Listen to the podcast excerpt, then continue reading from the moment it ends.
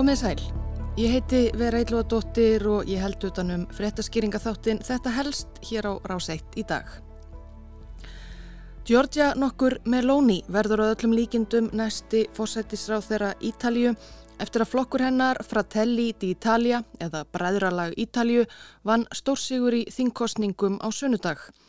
Hún verður þá fyrst kvenna til að gegna þessu valdamesta ennbætti ítalska stjórnkerfisins.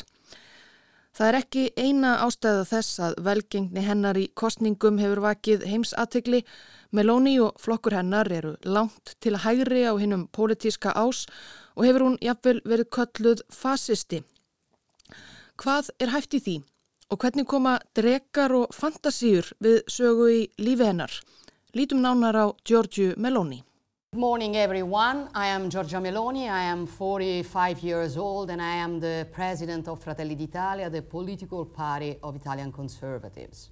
Giorgia Meloni kynir sig á ennsku í nýlegu myndbandi ætluðu erlendu fjölmeilafólki þar sem hún fer yfir ferilsinn og stefnumál. Giorgia Meloni fættist í Rómarborg 15. janúar 1977. Hún er 45 ára gömul. Móður hennar er frá Sikilei og fadurinn frá Sardiníu en sjálf er hún romvergi í húð og hár og þykir tala með sterkum rómarreim. Fadir Meloni yfirga fjölskylduna og sildi með ástkonu sinni til Kanaríeia þegar dóttirinn var ung. Fadurinn var vist vinstri maður og einhverjir veldi fyrir sér hvort hörð hægri stefna Meloni hafi byrjað sem einhvers konar tilrönd til að hefna sín á föður sínum fyrir að hafa yfirgefið fjölskylduna. En hvað um það?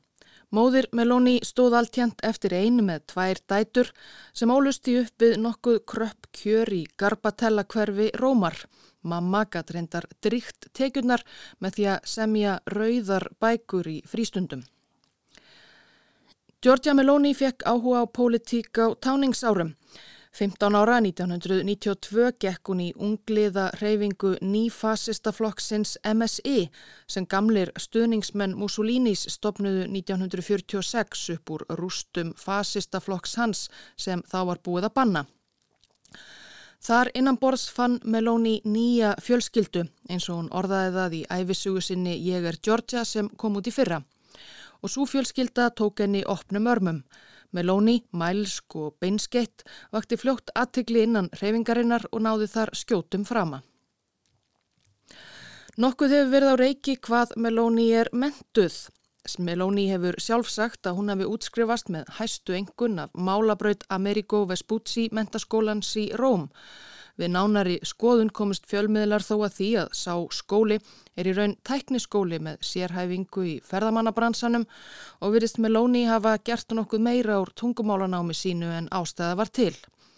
Annars fegst hún við Ímis störf með fram stjórnmálaferlinum framanaf og meðal annars barnfóstra, þjónustukona og barþjóðn á næturklúp.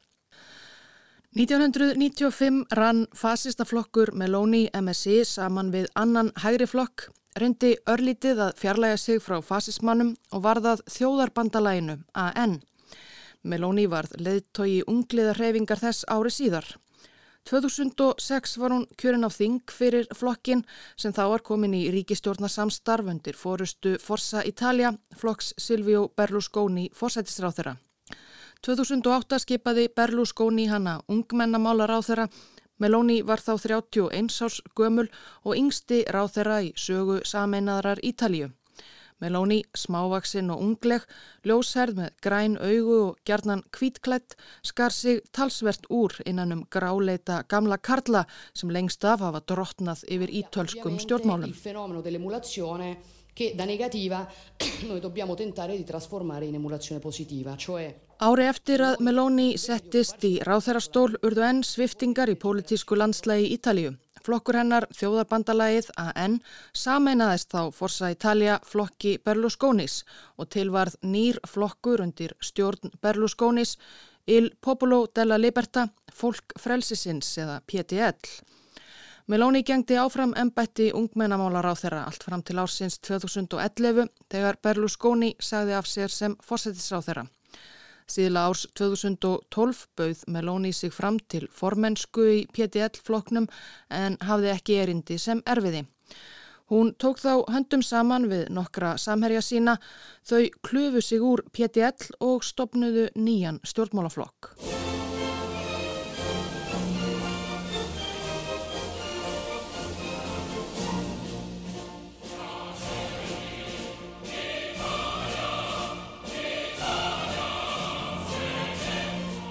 Nafn flokksins var fengið úr fyrstu orðum ítalska þjóðsöngsins Fratelli d'Italia, bræðralag Ítalju. Meloni skilgreinir flokksinn sem íhaldsflokk en ímsir utanakomandi af að lístónum sem fasískum flokki, ekki síst þar sem auðvelt er að rekja rætur hans aftur til MSI og bandamanna Mussolinis á eftirstríðsárunum. Útlitslega svipar bræðralagi Ítalíu mjög til MSI. Flokkurinn notast við sama kennimerki og MSI loga í litum ítalska fánans, tákn sem hefur fyllt MSI og arftökum þess flokks áratugum saman. Meloni hafnar því þó alfarið þegar hún er kolluð fasisti eða nýfasisti í pressunni, segir að ítalskur fasismi heyri sögunni til. Ég fel mig aldrei. Ef ég væri fasisti myndi ég segja að ég væri fasisti, saði hún í viðtali í breskablaðinu Spectator á dögunum. Ekki fer hún þó lengt með að hún og flokkur hennar eru ansi langt til hægri. Helstu stefnumál Meloni fyrir kostningarnar í áru voru að lækka skatta, draga úr skrifræði og auka útgjöld til varnarmála en hún hefur einnig mælt fyrir því að landamærum Ítalíu sé lokað fyrir ströymi innflytjanda og flótafólks. Hún er á móti fjölmenningu og hefur verið sökuð um útlendinga andúð og sérilagi andúð á múslimum. Hún leggur áherslu á það sem hún kallar Kristin Gildi, skrifstofa hennar er skreitt myndum af Jóhannesi Páli öðrum Páfa, móður Teresu og ímsum englum Hún er á móti dánaraðstóð og þungunarofi og vil helst sjá bara hérna klassísku kjarnafjölskyldu. Þú sjálf eigi hún reyndar dóttur með manni sem hún er ekki gift. Henni hefur ítrekkað verið líkt við umdeldan leðtóa Ungverjalands, Viktor Orban og hún hefur raunar tjáðu velþóknun sína á honum og stefnumálum hans.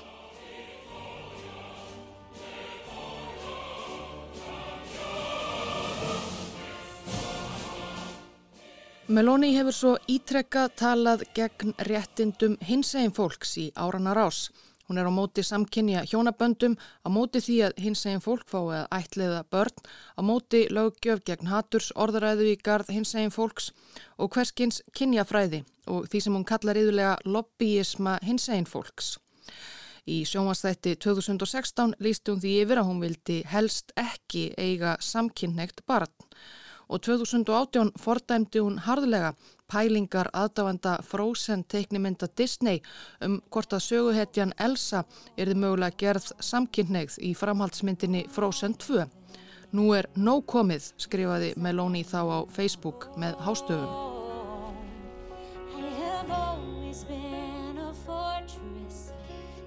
secrets deep inside. En talandi um fantasíur. Þegar Georgia Meloni var 11 ára las hún ringadróttun sögu Tolkiens og var samstundis heitluð af þeim mikla ævintýra heimi sem þar byrtist. Áhugi á fantasíubókmyndum og sérilagi Tolkien er raunar eitthvað sem hún á sameinlegt með mörgum ítölskum fasistum og aukahægrimönnum ótrúlegt nokk. Félagar hennar í ungliðarhefingu nýfasista flokksins MSC sem hún tilherði á yngri árum voru margir sjúkir í verk Tolkiens, klættu sig gerðan upp sem hobbita eða aðrar kynjaskeppnur úr bókunum, kölluðu sig nöfnum eins og Bilbo og Fróði, Melóni sjálf var kölluð Sámur og þau skipulaðu meira að segja sístakar hobbita búðir þar sem ungliðarnir komu saman og blönduðu saman undraheimi Tolkiens við fasíska hugmyndafræði á nokkuð furðulegan hátt. Meloni heldur enn mikið upp á ringadróttins sögu, minnist þess á hverju ári 3. janúar að þá á tolki en ammæli og svo aðrar fantasíubókmentir. Til að mynda nefndi hún ráðstefnu sem hún hefur staðið fyrir frá árinu 1998 að treyju. Það er vísun í hetjuna úr sögunni Endalösu eftir Mikael Ende. It's only a story. It's not real. It's only a story. Fyrir nokkru síðan uppgötuðu netverjar heimasíðu sem Meloni helt úti um 2001 þá 21 á skömmul. Síðan er að hætti gamaldags heimasmíðara heimasíða, bleikur bakgrunnur og myndir af bleikum blómum og bleikum drekum, yfirskrift hennar drekinjan. Á síðunni tíundar Meloni áhuga mál sín, hún hangi mikið á yrkinu, kalla sig þar nafninu Kairi og er hrifin af Tolkien, Nietzsche og Stephen King og hlustar á Cranberries og Sinead O'Connor. Einnig eru linkar á ýmsar síður með upplýsingum um sérstakt hugðarefni hennar drega. Í oktober 2019 helt Meloni ræðu á fjöldafundi bræðralags síns í Róm. Meloni fór þar mikinn gegn sínum hefbundnu erki ofinum hinsegin fólki og myndum lobbyisma þeirra. Til að undirstryka orðsinn rópaði hún yfir fundargestum Ég heiti Georgia, ég er kona, ég er móðir, ég er kristinn. Plutusnúðunum Mem and Jay frá Milano þótti þetta smellið og voru þeir ekki lengi að remixa orð stjórnmálakonunar, bættu við blúsandi teknotakti og úrvarð þetta lag. Georgia,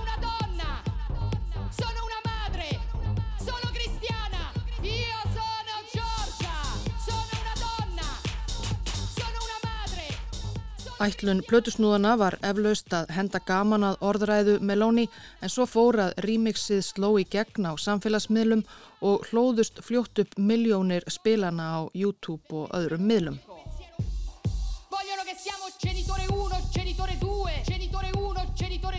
Eitthvað við málflutning Meloni og flokks hennar heitlar ítalska kjósendur en uppgangur þeirra hefur verið nær líilegur á síðustu árum.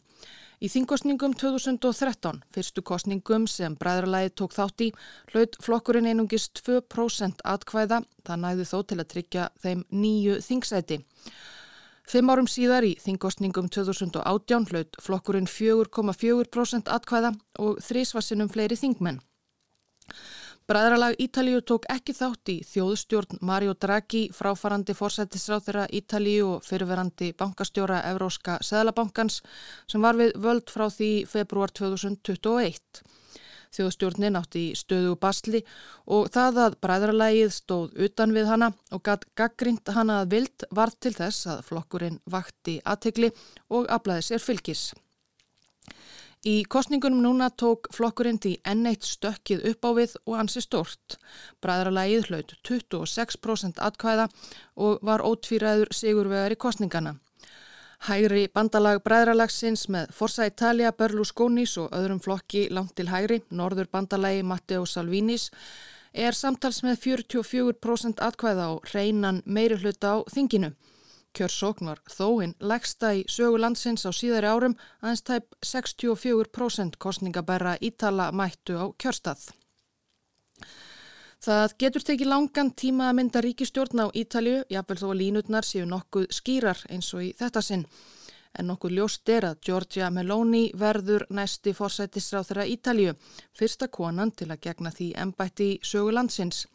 Hún hefur heitið því að stjórn hennar verði stjórn fyrir alla Ítali og við sterkvart ítalst hinsegin fólk og önnur sem orðið hafa fyrir barðinu á hörkulegri orðræðu hennar undan farin ár séu samála því.